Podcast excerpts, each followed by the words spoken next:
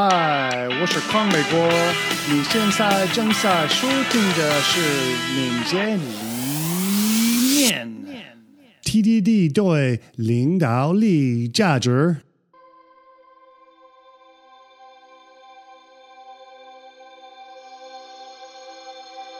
s u n i l 和 Lancer 讨论了策动趋势开发对领导层的价值。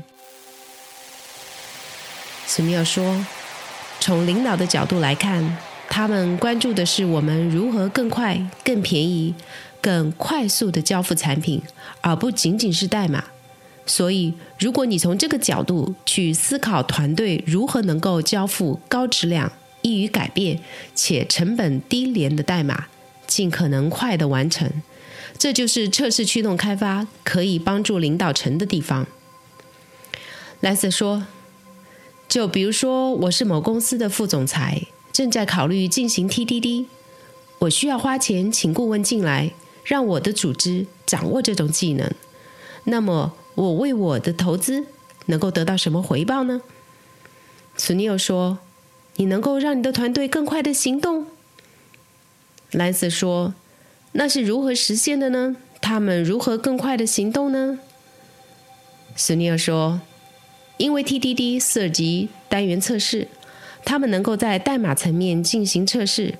所以，如果你能在代码层面进行测试，并且进行多个测试，那么你就减少了对更大的应用进行依赖性测试的需要，回归测试、性能测试。”和其他集成测试，打破这种依赖性是很重要的，因为其他测试可能需要更长的时间，会拖慢开发交付的速度。所以，如果你不需要为更大的应用创建太多的测试，并且在单元测测试层面有信心，你的构建速度会更快，你会更多的使用低层级的测试。不需要进行那么多高层级的测试，这样就节省了维护那些难以维护的应用测试的时间。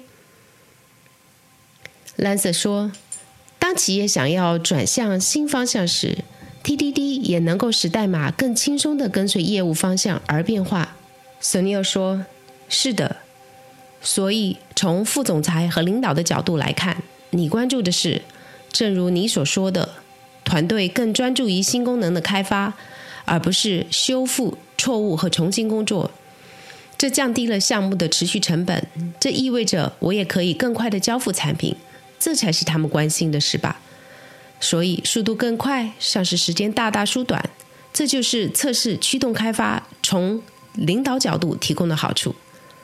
兰瑟说：“当企业想要转向新方向时。” TDD 也能够使代码更轻松的跟随业务方向而变化。斯尼尔说：“因为代码编写易于理解，是模块化的，所以能够更轻松、更快速的进行转变。”兰斯说：“为变革制定预算，我觉得我们有点谈到了。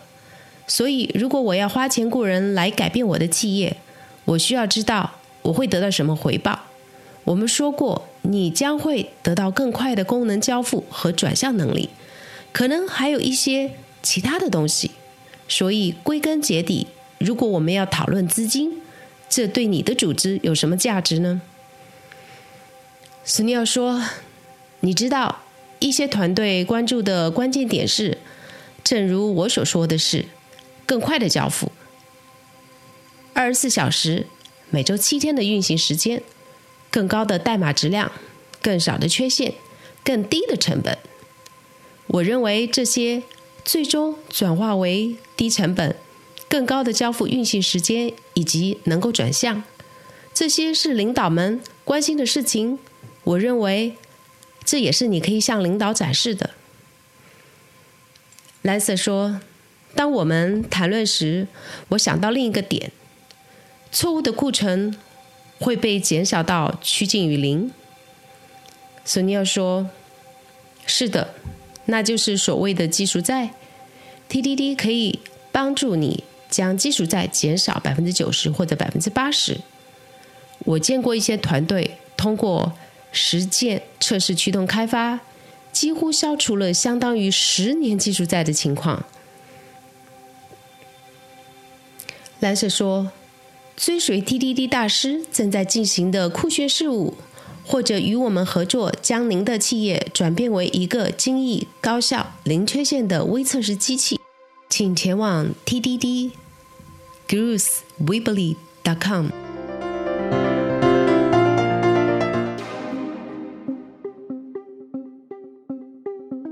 你喜欢读悬疑书吗？一本关于敏捷思维的悬疑书，《黑色敏捷》是非常有意思的，依靠戏剧性的故事讲述，教会你敏捷思维。欢迎在康美国的微店查看这一集的播客注释。下一集我们将听取 Richard Hoonhausen 关于 Nexus 连接扩展框架的意见。Richard 说。如果你愿意，Nexus 框架只是围绕现有的 Scrum 框架的外骨骼，